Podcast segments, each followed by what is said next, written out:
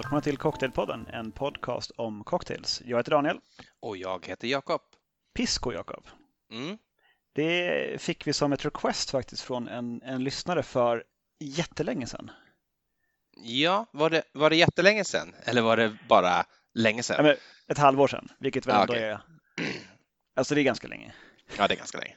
Det, det, det, vi räknar som länge. Precis. Eh, jag kommer att höra dig dåligt under hela avsnittet. Det kommer att avspegla sig i att jag kommer att låta disträ och förvirrad. Eh, är min så där, vad, är det, har du blivit lomhörd eller är det någon inställning? Vi, vi är tillbaka på uselt internet efter att det har varit åskväder här som har eh, rökt vårt vanliga modem. Så nu är vi okej. tillbaka på det, det ganska usla satellitmodemet. Jag förstår. Det är härligt att bo på landet. Då slipper du i alla fall se mig i liksom full eh, upplösning. Jag sitter Tyvärr, ju fet, fetare och naknare än någonsin. Ja, det, det, det ser jag tyvärr. Ja, du gör det? Ja, det är ja, du, du är minst lika naken som i förra avsnittet. Mm. Men nu är du inte på hotellrum så du kan inte skylla på, liksom, på, på det. Nej, du, men du det bara är, ju- det är ju... okynnesnäckar du, för min skull. Det är ju samma orsak alltjämt, nämligen att det är förtvivlat varmt. Idag har det inte varit så varmt ute, men det är fortfarande stekande hett inomhus i vår lägenhet.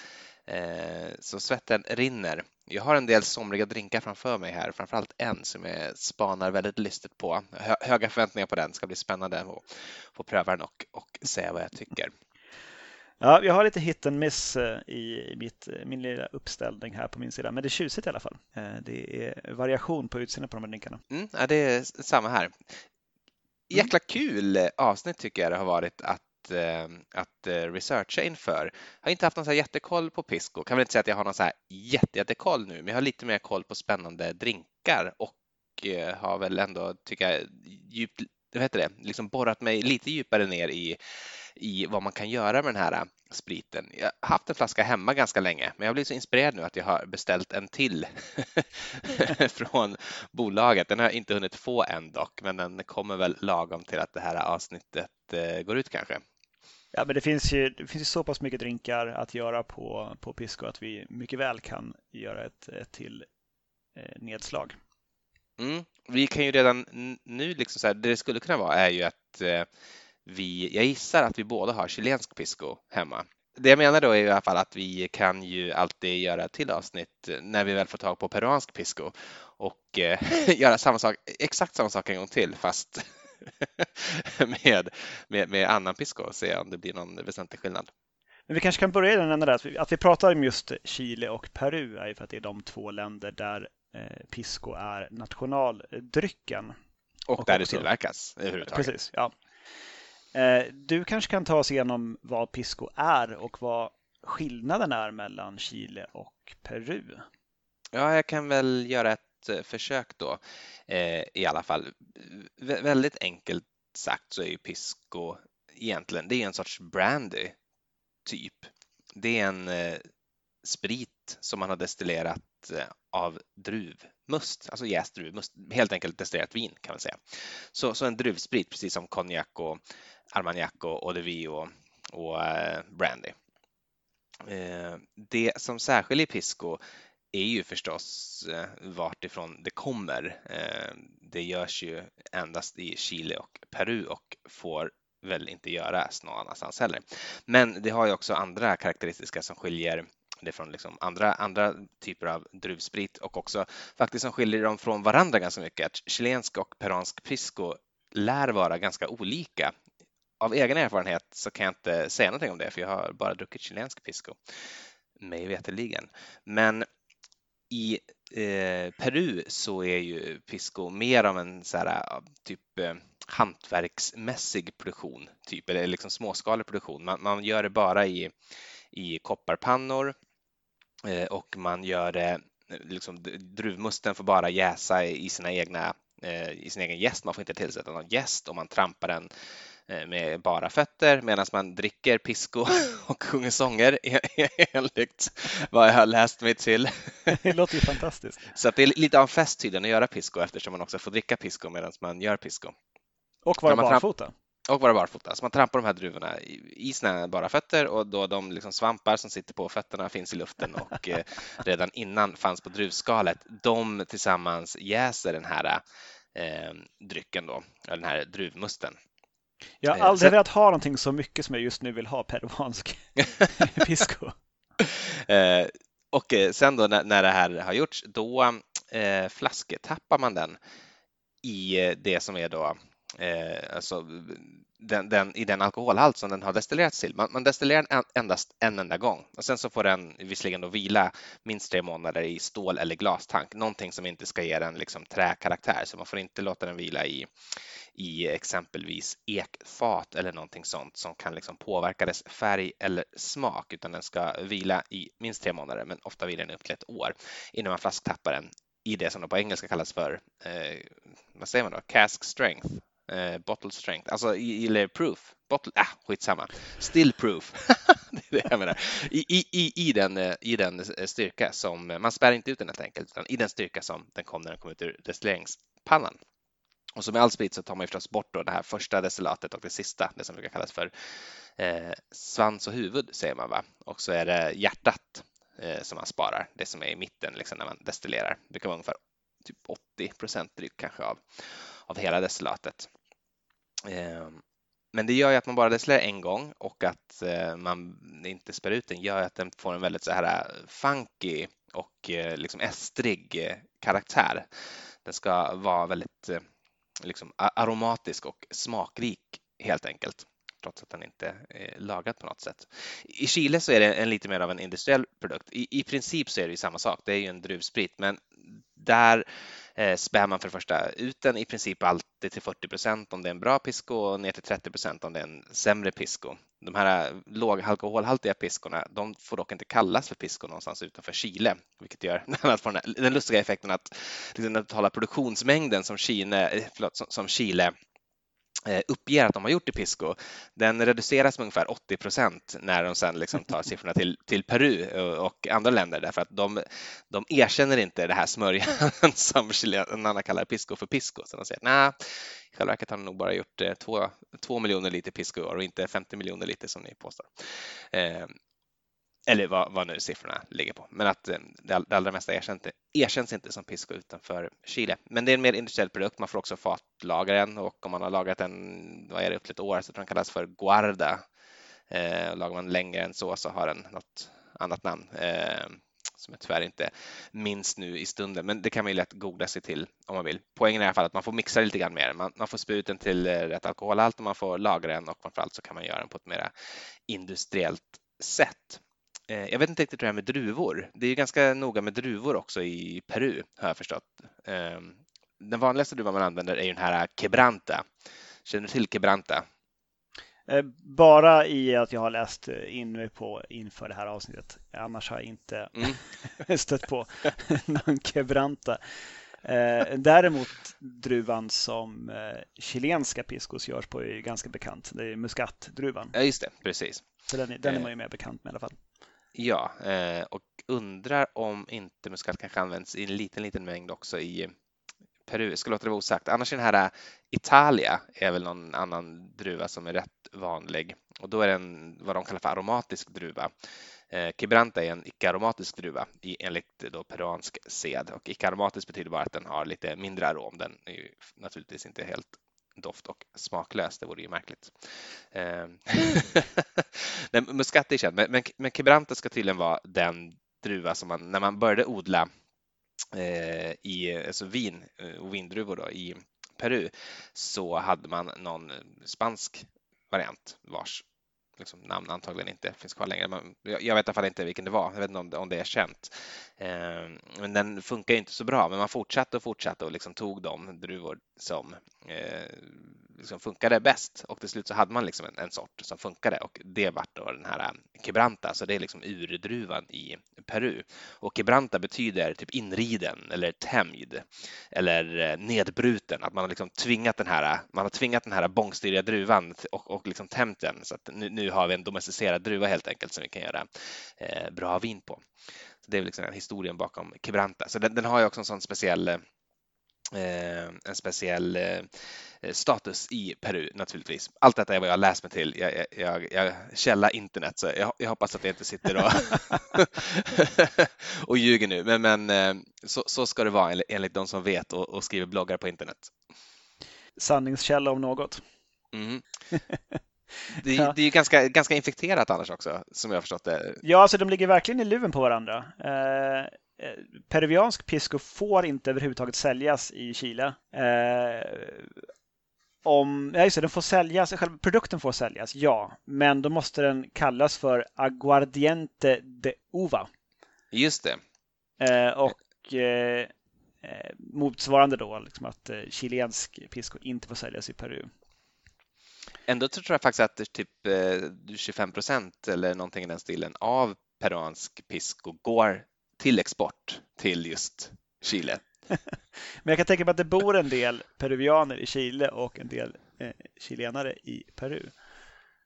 Det är väl inte man, omöjligt. Då vill man ju dricka sin egen pisco. Liksom. Man vill inte liksom dricka det här lokala badvattnet till pisco som man gör i det här andra landet. Just det, precis. Men jag tror att den här animositeten har egentligen förutom då att det känns lite grann som det här typ Grekland, Macedonien. Eh, Grekland erkänner ju då inte Makedonien eftersom det finns en del av Grekland som också heter Makedonien och då kan ingen, ingenting annat heta Makedonien. Det där äh, har ni säkert hört om på TV. Nu är det på väg att bli någon sorts lösning där, så det kanske finns hopp för eh, Pisco, de två Pisco-nationerna att komma överens också. Men att det här, äh, det här liksom väldigt, väldigt hårda stämningen har sin grund i, heter det Stilla havskriget? På svenska eh. borde det vara så. War of the Pacific på utrikiska. Men alltså, ja. det, är ju det är så jättelänge sedan. Alltså det är typ att, sent 1800-tal. Just det. Men, eh, men Chile annekterade en bit av Peru som de alltjämt eh, förfogar över va? Ja. ja, då är det ett öppet blödande sår fortfarande. Ja, det, det är väl det. Och enligt peruansk då lore så ska det vara först i samband med det här kriget som chilenarna överhuvudtaget började göra pisco och kalla det pisco så att de inte bara liksom tog en bit av deras land, de tog också liksom en bit av deras kultur. Och deras eh, själ. Den, den, den, officiella chilenska versionen är ju förstås att eh, när pisco började göras så fanns varken Chile eller Peru utan båda var en del av jag vet inte vad det heter på svenska, men the Wise Royal vad, vad säger jag, alltså det här, ja, alltså ett sånt fursten, ett spanskt furstendöme typ som, som hette då furstendömet Peru typ, eh, men som inkluderade all den landyta som är både Chile och Peru. Och chilenarna hävdar då att när, när vi började med Pisco så var ju vi också Peru. Så att det är lite fånigt att säga att det bara är ni som ska få det för att ni fick behålla namnet Peru och vi var tvungna att kalla oss Chile. Eh, skulle åtminstone inte få kalla vår sprit för Pisco. Eh, Medan då den peruanska versionen av det, ja det är visserligen sant, men även fast vi var samma furstendöme så var vi ändå två olika nationer med två olika folk och två olika kulturer och två olika klimat och att det var larvigt av er att hålla på och kalla det för Pisco för det är vi som har, liksom kallar, kallar vår sprit för Pisco. Ni kan väl kalla er för Disco eller någonting. är det den officiella peruanska versionen? det, det, det är, jag, jag, tror att jag, jag tror att jag kan tala för alla peruaner när jag säger att precis så tycker allihopa. Oj, jag kommer ihåg vad ni hörde senast. Cocktailpodden eh, spär på internationella konflikter sedan 2018. Mm. Oh, bra. Eh, Pisco ska för övrigt betyda liten fågel. Mm. Eh, från ett ord på språket quechua. Uttalar det Se där. Ja. ja. det tror jag. Detta enligt eh, Jim Meehans utmärkta Bartenders Manual. Känd från sådana avsnitt som Boktipset. Just det, den tycker jag mig ha hört talas om där. Ja. har du gjort en Pisco Sour, Jakob? Nej, jag har inte gjort en Pisco Sour. Jag har heller inte gjort en Pisco Punch. För jag vi, vi kommer få anledning att prata om dem ändå. Jag har gjort en variant av Pisco Sour dock. Ja, men ska vi prata lite grann först om Pisco Sour kanske? För det känns som att vi, vi, det är en elefant i rummet, den måste med på något vis. Jag har inte heller gjort någon, för jag tänkte att det, det gör säkert Jakob. Um, men det är ju det är Perus nationalcocktail. Där mm. tror jag inte att Chile har något claim to fame. Utan det, det, är Peru liksom som, som är Pisco Sourns hemland. Eh, och sen har den lite tillblivelsehistorier som har förändrats lite grann genom tiden. Eh, för några år sedan så menade han på att det var en karl som hette Elliot Stubb som kom dit på ett skepp som hette Sunshine som öppnade en bar i Iquique uttalar jag säkert rätt, mm. i Peru då och i nuvarande norra Chile. Jag antar att det kanske är den lilla landremsan som bara några år senare där blev chilensk by right of conquest.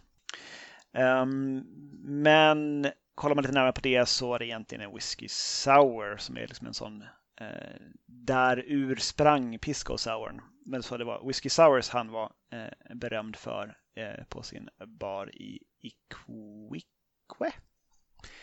Vill jag säga. Just det. Eh, sen, så det var inte han. Och sen så var det någon karl som hette Morris. Tror ja, jag. Victor, Victor Morris. Victor Morris, ja precis. Mm som han flyttade till Peru 1903. Och eh, så sägs det då att han sen skapade Pisco Sour efter att han fick slut på whisky till whisky sour. Det låter rimligt. Ja, lite, det, lite det, det, låter ofattbart liksom sannolikt att det skulle kunna vara så faktiskt. ja, men jag testar med den här lokala spriten som vi har massa eh, lådor av här nere. Eh, sen så finns det tidigare, jag vet inte om det är kopplat riktigt till han Victor Morris, men det finns Nej. ett tidigare recept från, som är just från 1903. Jag tror att det är en slump faktiskt. Ja, precis. Det, det har inte med, med honom och, och hans whisky sourande att göra. Uh, här är det en Manual de Cochina alla Criolla som kom ut 1903 och då finns det en cocktail, bara som den heter så, bara cocktail, som innehåller äggvita, en kopp med pisco, en tesked socker och några droppar limejuice enligt smak. Mm. Vilket skulle kunna vara en, en pisco sour. Dock lite, ännu inte namn. Ganska lite eh, citrus tycker jag dock för att vara en riktig sour. Det känns Kanske ju... rejäla droppar. Alltså to taste. Du får, ju, du får ju droppa tills det är klart liksom. Jag tycker förutom äggvitan så tycker jag det mer låter som någon sorts variant av eh, en T-punch? T-punch, ja men precis. Gör inte ja, det? Men det blir ju skumt med äggvitan förstås, som flyter omkring ovanpå T-punch. Jäkla konstigt. som, ett, som ett otäckt ostron. Nej tack säger jag. Men hur som helst, det är lite grumligt när, var, hur. Men vid något tillfälle så eh, någonstans, troligen där man också gjorde whisky sour, så gjorde man en pisco sour en gång. And the rest is history. Oh, ska se om jag hade något bra recept på här är ett traditional recipe för pisco sour. Eh, ett ounce limejuice, eh, sex skedar florsocker eller powdered sugar står det. Två ounce med pisco och då ska det väl förslagsvis vara just peruansk pisco. Mm. Och sen ett halvt ounce då eller ja, kan man säga en äggvita. Det ska skakas. Ofta i Peru tydligen så bländar man Pisco Sour nu för tiden. Just det, med, tillsammans med is, ja. Mm. Exakt. Mm. Eh, Diffords har eh, lite skrytigt gjort ett, vad han tycker är bättre recept. Eh, så, där har vi den. Um, han har två ounce pisco, tre fjärdedels ounce limejuice, ett halvt ounce 2 till 1 sockersirap och en äggvita och sen har han också ett stänk med apelsinblomvatten. Och han serverar den här app, alltså utan is. Mm. även det är lite ovanligt. Precis. I, i min Pisco Sour-variant då, som har ett helt annat namn, är det också utan is och faktiskt i ett litet eh, Nicanora-glas. Jag ska alldeles strax berätta om den. Mm. En sak till där om Pisco Sour bara. Man brukar mm. lägga tre eh, droppar med Angostura Bitters eller eh, vad heter de då? Amargo Chuncho som är en peruansk bittertyp som är gjord av bark och örter och rötter från Amazonas. Just det. Men som ändå ska påminna ganska mycket om angostura tydligen. en, en, en, rundare, sötare variant möjligtvis av angostura. Eh, det, jag har inte det, så när, jag har, när det har stått just den bittern så har jag använt angostura i mina recept. Yeah. Men det ska i alla fall symbolisera de här tre dropparna, ska symbolisera hälsa, rikedom och lycka. Är inte det samma som de tre kaffebönorna? Det är ganska oh. exakt samma som tre kaffebönor. och säkert allting annat som är tre ovanpå en cocktail. Antagligen. Men det är väl trevligt att dricka till hälsa, rikedom och lycka. Ja, verkligen. Jag kan inte tänka mig en bättre skål. Eh, ja, jag, jag hoppar direkt in då på, på min första drink för dagen och den heter Cupids Cup. Får se om du har gjort den också. Dag! du hör det. Jag tänkte ja. att du inte skulle hitta den, för den var inte så lätt att leta upp. Eh, men vad skönt, då fick jag bli först där då, i alla fall. Mm. Eh, I, I, en Cupids Cup finns det några olika varianter, men, och det tycker jag tyder på att också det är en det är en eh, eh liksom standarddrink då. Men den här är hämtad ifrån eh, Fontana Piscos hemsida och Fontana är en pisco-producent. Eh, men i, i min Cupid's Cup då så är det en och en halv ounce med pisco, ett ounce Aperol, ett ounce med citronjuice, eh, ett ounce med Simple Syrup och jag har ju då bara på ren vana haft eh, eh två lättsockerlag. Men när, eftersom det är lika mycket citron som socker så misstänker jag att det egentligen ska vara ett till ett. Så jag tror att min kan vara lite för söt, framförallt som det också innehåller Aperol. Eh, en, ett ounce med äggvita och det är ungefär exakt en äggvita fast lite mindre fick jag det till när jag mätte upp det där. Eh, och det här är inte garnerat med eh, några bitters utan med en timjanskvist. Det har också sett varianter med andra örtkryddor men i den här så ska det vara timjan så det tog jag och den är så här vackert orange med ett litet vitt lock på och en timjanskvist. Så gott är det, men den är för söt så att det ska nog eh, halvera sockermängden ifall ni har två lätt sockerlag. Mm. Jag gjorde den med eh, vanlig Simple Syrup. Eh, mitt recept är från cocktailbloggen A Tipsy Giraffe mm. från 2018. så att, Eh, lite annorlunda ursprung där. Allt annat lika, liksom, samma eh, proportioner. Men här ska det garneras med en myntakvist. Aha, så där. Men jag tycker den är god. Den smakar eh, märkligt godisaktig. Alltså mm. typ, eh, Emelie tyckte den smakade tuttifrutti. Ja, det gör det verkligen. Jag håller så med. Och det är ju gott. Alltså, min är mindre söt då, i och med att jag har hälften så mycket socker. Mm. Uh, och Eh, den är syrlig och god. En, en riktig höjdardrink faktiskt. Jag gillar den mycket. Bra, Cupids Cup. Ska vi se om vi... Jag har fyra drinkar. Ska vi se hur många av dem som är exakt samma? jag, jag har ytterligare en där, så vi kan inte ha exakt samma fall. Men jag har också gjort några. Jag har ju precis avslutat min semester, men medan jag fortfarande hade semester så har jag gjort några liksom små samples som jag tänkte bara kort hasta igenom också, så att eh, någon mer liksom gemensam lär vi väl ha mm. innan den här avsnittet är över. Vi, jag kanske kan ta den, den sämsta drinken idag. Ja, men gör det. Som också är den drink som fick högst betyg på Diffords och den är skapad av Difford. Yeah. Simon Difford.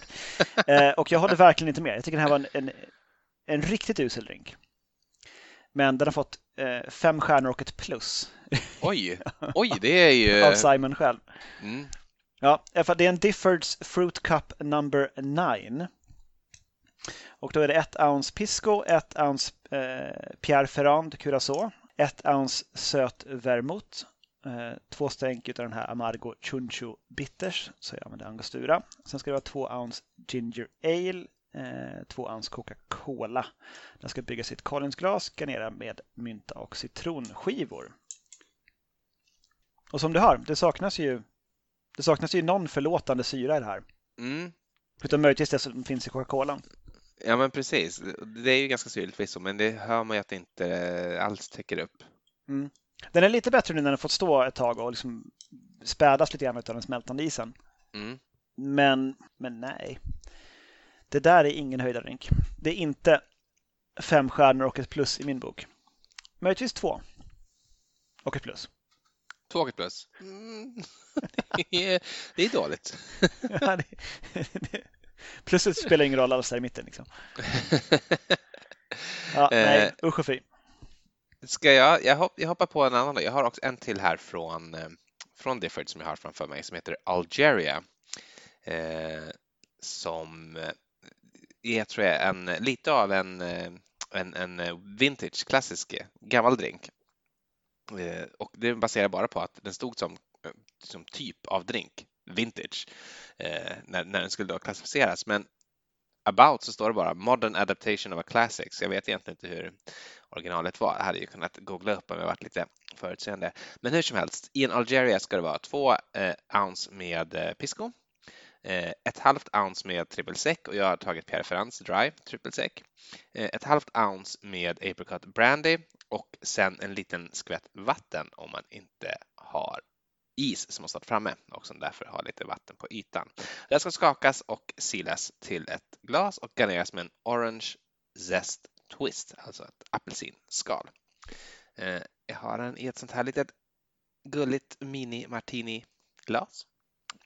Ja, inte, jag är inte galen i den här. Den är ganska liksom eh, eh blommig på något vis. Eh, alltså den är helt okej, okay, men återigen ingen syra.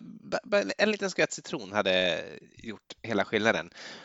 Det står här att det ska vara sån eh, eh Barsol Mosto Verde Italia Pisco, eh, är Diffords då Eh, pisco of choice här och det är ju en sån som ska vara väldigt, väldigt eh, blommig och fragrant så att den kanske ska vara liksom mera, mera floral än vad den här är. Men alltså det här känns verkligen som en generisk drink från förr i tiden liksom som man kan hitta i en bok men som aldrig varit en klassiker. Jag önskar jag visste mer om den då, på vilket sätt det är en, en classic som jag inte känner till den sedan tidigare. Men jag är inte överförtjust i den variant som jag har gjort i alla fall.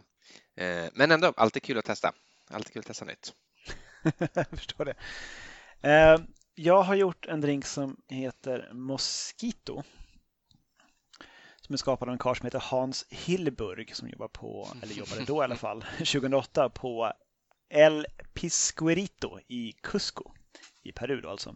Så den ska givetvis egentligen vara gjord på peruansk eh, pisco. Så inte fallet här hos mig. Men i alla fall 6 myntablad, 2 ounce pisco, 1 ounce limejuice, eh, 3 fjärdedels ounce 2 till 1 sockersirap, eh, skakad med is och silas till ett isfyllt rocksglas, genereras med mynta. Det här är faktiskt en riktigt god drink. Alltså det är ju förklaring till varför det är gott. Det är någon form av, det, det är en sour, så ja. därför är det gott. ja. Eh, det är som en, som en pisco daiquiri ungefär fast med myntablad. Och det, det är låter... ingen dålig idé. Nej, det låter inte alls dåligt. Det låter ju fantastiskt. Mosquito alltså. Det är ju ändå så att de här liksom, de, de, de, de, klass, alltså säga, alltså de klassiska recepten har blivit klassiska av en anledning. Liksom varför blir allt gott om man gör en sour av den? Därför att hallå, det är socker och citron och sprit. Det är automatiskt. Då. De apropå, tre godaste grejerna vi har. Apropå mosquito förresten, så är ju mm. mosquito är ju diminutiv form av ordet. Det betyder mm. att någonstans där ute finns det en gigantisk El Mosco. ja, men en, det är väl en...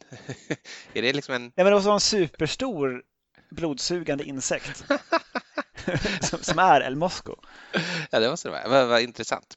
Eh, jag hoppas att jag slipper se den medan till och med i dess diminutiv form, Mosquito, så har jag lite svårt att uppskatta dess sällskap. Eh, men, men eh, ska vi gå vidare? Absolut, kör på. Eh, ska jag jag, jag, drar mina liksom backstories nästan sist så att jag kan dricka de här medan de är någorlunda kylda och Eh, pigga. Eh, jag har två stycken som jag hoppas och tror att du inte kanske har lyckats nosa upp, eh, för det tog ändå lite så internetande för mig för att faktiskt hitta de här och de tror jag är egentligen ganska okända utanför det området där de dricks och en tror jag är chilensk och en typ från Florida möjligtvis. Den har åtminstone namn efter Tampa Bay. Ringer Tampa Bay några klockor? Nej. Då kanske jag ska ta den då på en gång. Det är Tampisco Bay Eh, och eh, även den faktiskt hämtad från Fontana Pisco, även om det inte är där jag hittar den först, utan av alla ställen Wikipedia. Wikipedias Pisco-sida har en mängd bra uppslag på cocktails med pisco för ovanlighetens skull. Det, det, är inte det som, recepten finns inte där, men det, det står bara namnen på dem så man får liksom googla och hitta dem annorstädes.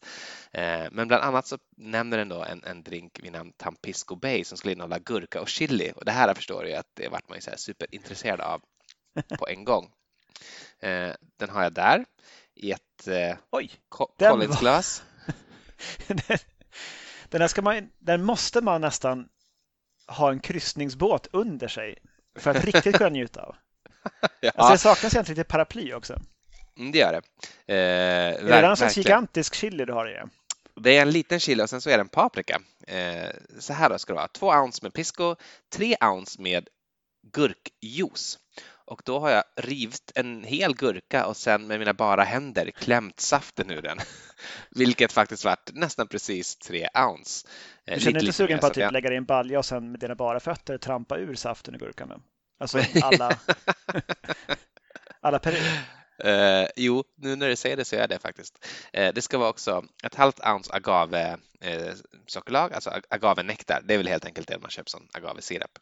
Eh, tre tunna skivor med jalapeno och tre tunna skivor med vanlig röd paprika. Jag har en tunn skiva med röd paprika för att det är redan plenty som du ser i det här glaset. Hur som helst, lägg de här chiliskivorna i botten på en shaker och muddla dem. Sen häller du på resten Eh, utom då paprikaskivorna. Skaka ordentligt på is och sen häll över ett eh, Collins eller highballglas som du har fyllt med krossad is. Eh, och jag tror att jag har en för svag chili.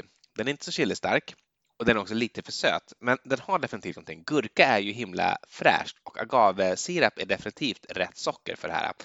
Det, det känner man. Det är bara lite, lite för mycket jag sa ju innan vi spelade in att jag inte hade något direkt att berätta om eh, sådär, innan vi började prata om piskodräkt. Då. Och eh, det stämmer, förutom att jag har varit på en liten affär i Skäve och köpt en chili, Skäve i Dalarna, och köpt en sorts chilisås som var alltså ofattbart het.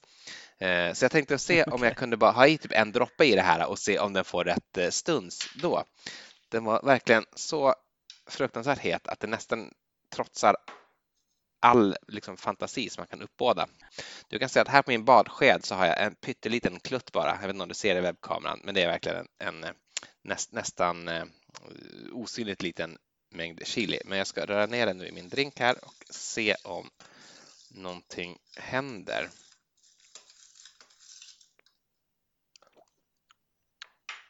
Jag vet inte hur väl. Oh, jösses. Ja. ja, men nu så. Åh oh, herregud. Det är, oh, det är så starkt. Och det är därför du är naken också? Ja, det är delvis därför. Eh, nu, nu fick den stunsen i alla fall som jag tror att den ska ha. Den var nästan, eh, nästan för het och kall samtidigt roligt nog eftersom den också är fylld med krossad is.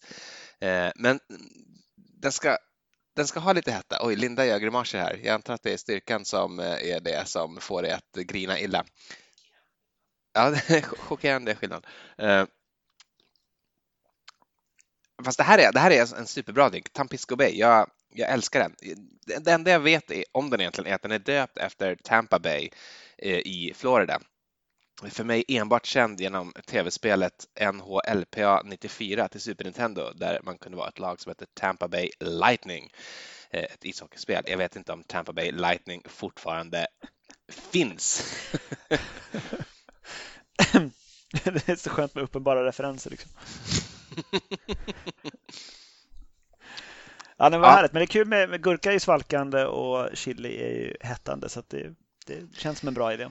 Det påminner ju lite, förutom att då, jag, jag skulle nog ha haft lite, lite mindre socker och sen så lite, typ en eh, skvätt lime i. Då skulle den ju påminna också ännu mer om den här eh, fantastiska drinken Amante Picante eh, med eh, eh, vad heter det, den här konstiga eh, koriander och tabasco och tror jag just eh, en agavesprit, nämligen tequila, som vi pratade om i färska örter avsnittet för måste väl vara ett år sedan nu nästan. Säkert så. Eh. Men har ju fortfarande ett av de allra bästa namnen att säga. Eh, visst är det härligt att säga det? Amante Picante. Ja, Amante Picante. Det, det, det, ligger bra i munnen. Ja, men, men ta, ta, lite chilisås i också då, om, om du inte har en väldigt stark chili som du muddlar i botten. Det, det gör tricket. Det här vart en det hade varit en helt annan studs. Och den gick också, ska jag säga, från en trea till kanske en fyra och en halva. Lite lime och mindre socker, då har du definitivt en full femma i den här. Otroligt eh, härlig och eh, gissar jag, jag bara chansar, men autentisk drink för av pisco-älskare. Vad härligt. Jag har bara en drink kvar så att du får nog eh, rulla på på din sida. Du hade mycket mer som du ville berätta om. Ja, jag har ju, jag kan ta en till sån drink som heter eh, Terremoto. Eh, det är inget som du har stött på heller? Nej. Terremoto. Du kan säkert ana vad terremoto betyder. Eh, motto ska väl vara ord i alla fall? Ja, nej? nej, jag säger det istället. det, det, betyder jordbävning. Terramovit heter det väl på latin, va? När, när det är en jordbävning. Eh, terremoto är väl då den, den eh, spanska varianten. Eh, det här är en chilensk drink och eh, en riktig superpopulär drink i Chile och framför allt då eh, på baren El Hoyo i, tror jag, Santiago de Chile, det vill säga huvudstaden. Men man ska kunna få den i princip var som helst. Det här är inte riktigt en autentisk terremoto. I riktigt terremoto så ska det vara en vintyp som heter Pipeño Eh, som för mig var obekant fram till för typ en dag sedan. Eh, Pipeño är någon sorts vin. Man, man, man tar druvor som inte riktigt har fått eh, bli klara, tror jag. Alltså de, de är liksom lite omogna. Eh, och av det här gör man en sorts eh, vin som sen får jäsa igen typ och eh, sen eh, förstärks med lite sprit ja, som heter Pipeño i alla fall. Jag läste på en blogg om man kunde använda någonting annat då, något som finns tillgängligt i, utanför Chile och eh, det enda jag kunde hitta var eh, någon som tipsade om att ta ett sött Riesling. Eh, den här personen hade dock ingen aning om ifall det var likt Pipeño. Han hade aldrig druckit Pipeño själv. Utan det var... Underbart tips dock. Ja, men så ja. fan, det är samma färg så det blir bra. Ja, men han tycker också att det, det också är så här, i kallt klimat och man tar dem för att de, de får liksom inte riktigt gro klart för att det är så kallt när man gör Riesling och eh, det ska vara ett sött vin så det borde liksom kunna likna lite grann. Så han, han hade ett bra case. Jag tog dock en söt vermouth istället som ju också är ett sött eh, fortifierat vin och jag tog en söt vermouth från mitt favorit vermouthproducent, nämligen Mancino. Eh, så då, förutom då den här eh, Pipeño-substitutet eh, eh, söt vermouth som jag har hällt i ett rakväggat martiniglas så ska det vara eh, en liten skvätt Fernet Branca, en något större skvätt Pisco och eh, en ganska rejäl skopa med mangoglass eller mangosorbet. Och jag har sett det här beskrivas. Den här liksom är en sån tror jag, liksom frat boy och frat girl eh, drink verkligen, att den dricks på universitet och den dricks liksom av alla när det ska vara lite fest så. Eh, och jag har sett den beskrivas som att det här, den är så delikat, den är så god och man blir så glad och det är så härligt att dricka den här drinken på alla sätt och vis. Men den är så ful. Den är så fruktansvärt, eh, fruktansvärt ful för det ser ut som en liksom geggig smörja. Eh, och den har liknats vid, det finns till något, något känt då spel på andra sidan Atlanten som studenter gör där man, liksom, man, man häller ut sista skvätten från allas dryck hela tiden i ett glas och den som förlorar spelet tvingas sen att dricka upp det här liksom häxbrygden som då blir i slutet. Eh, kanske föregångaren till Swampwater kan man tänka sig. Men att det här då ska, ska då jämföras med eh, den här eh, liksom häxan visuellt men smaka gudomligt. Eh, jag ska ta en sipp.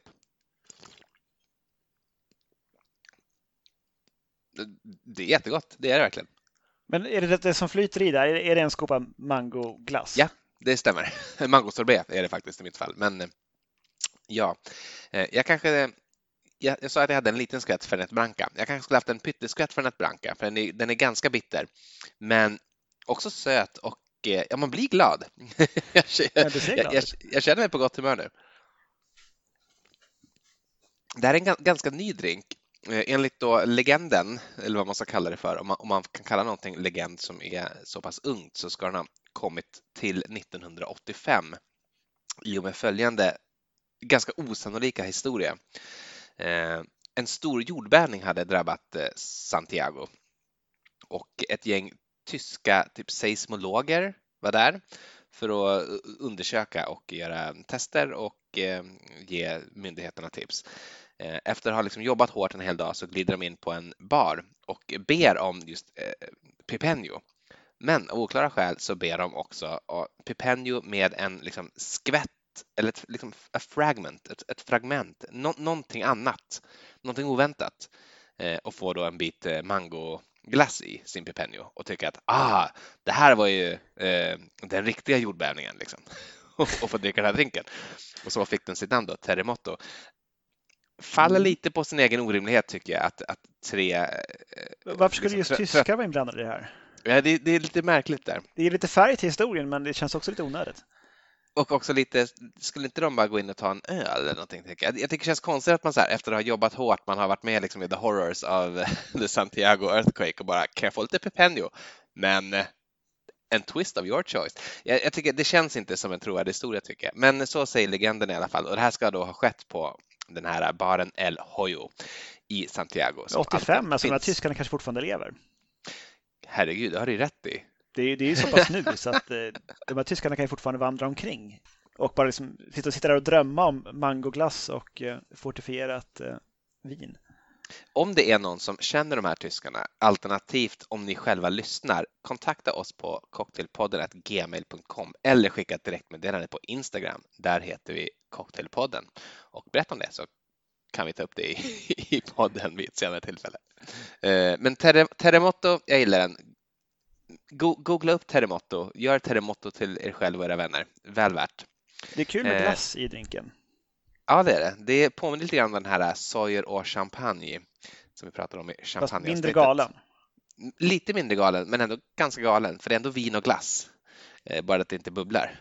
Ja, det är sant. Men bubblorna gör det mera galet rent utseendemässigt. Eh, det gör det. Eh, jag har en till som jag har framför mig. Då. Ska jag ta den på en gång eh, så har jag dragit alla mina som jag har gjort idag. Det är drinken El Capitan. Ett namn som låter klassiskt, tycker jag. Det känns som att det måste liksom, om någon skulle fråga mig, finns det en drink som heter El Capitan? Så skulle jag ju svara ja, utan att veta, därför att det måste ju finnas en drink som heter El Capitan. Ja, men också på, på innehållsförteckningen så är det ju, det ser ju ut som en klassisk mm. drink. Ja, du har kanske den eh, också? Jag har inte gjort det, men jag har stött på den. Jag stött på den. Det, det ser väldigt liksom typ eh, Savoy cocktailbook ut. Ja, men verkligen. Eh, det är lika bra att jag berättar vad det innehåller ändå. Det, det är egentligen en, vad ska man säga, det är någon sorts pisco Manhattan typ, en pisco eh, martini. Eh, det ska vara 60 milliliter med pisco, Eh, 30 milliliter med söt vermouth och här har jag använt Mancinos söta vermouth, eh, röd variant. Två stänk med angostura bitters och det här ska röras och hällas till ett eh, glas av lämplig form och storlek garneras med ett körsbär eller ett citronskal och jag har valt ett litet körsbär. Det här smakar exakt som man tror att det ska göra. Det vill säga, gillar du en Manhattan så gillar du en El Capitan. Jag är sugen på maraschino körsbär också. De är för långt borta bara så jag kan inte nå dem. Jag ser dem ju bakom dig där. det, det, det, är ingen skam att äta maraschino körsbär direkt i burken. Va? Det är det inte. Eh, det var mina jag hade. Om du har någon så här bra avslutning kanske jag bara jättesnabbt ska dra mina som jag prövat tidigare också och eh, ge korta, korta kommentarer om dem ifall folk vill göra dem. Du, du kanske har liksom något, något bra slut? Eh, jag har en drink till i alla fall. Det, det, om det är ett bra slut så får det vara det. Ja, men det, det, det, det, är bra nog. Eh, jag har gjort dels en eh, drink som heter Pini. Eh, hoppas inte den var en av dina.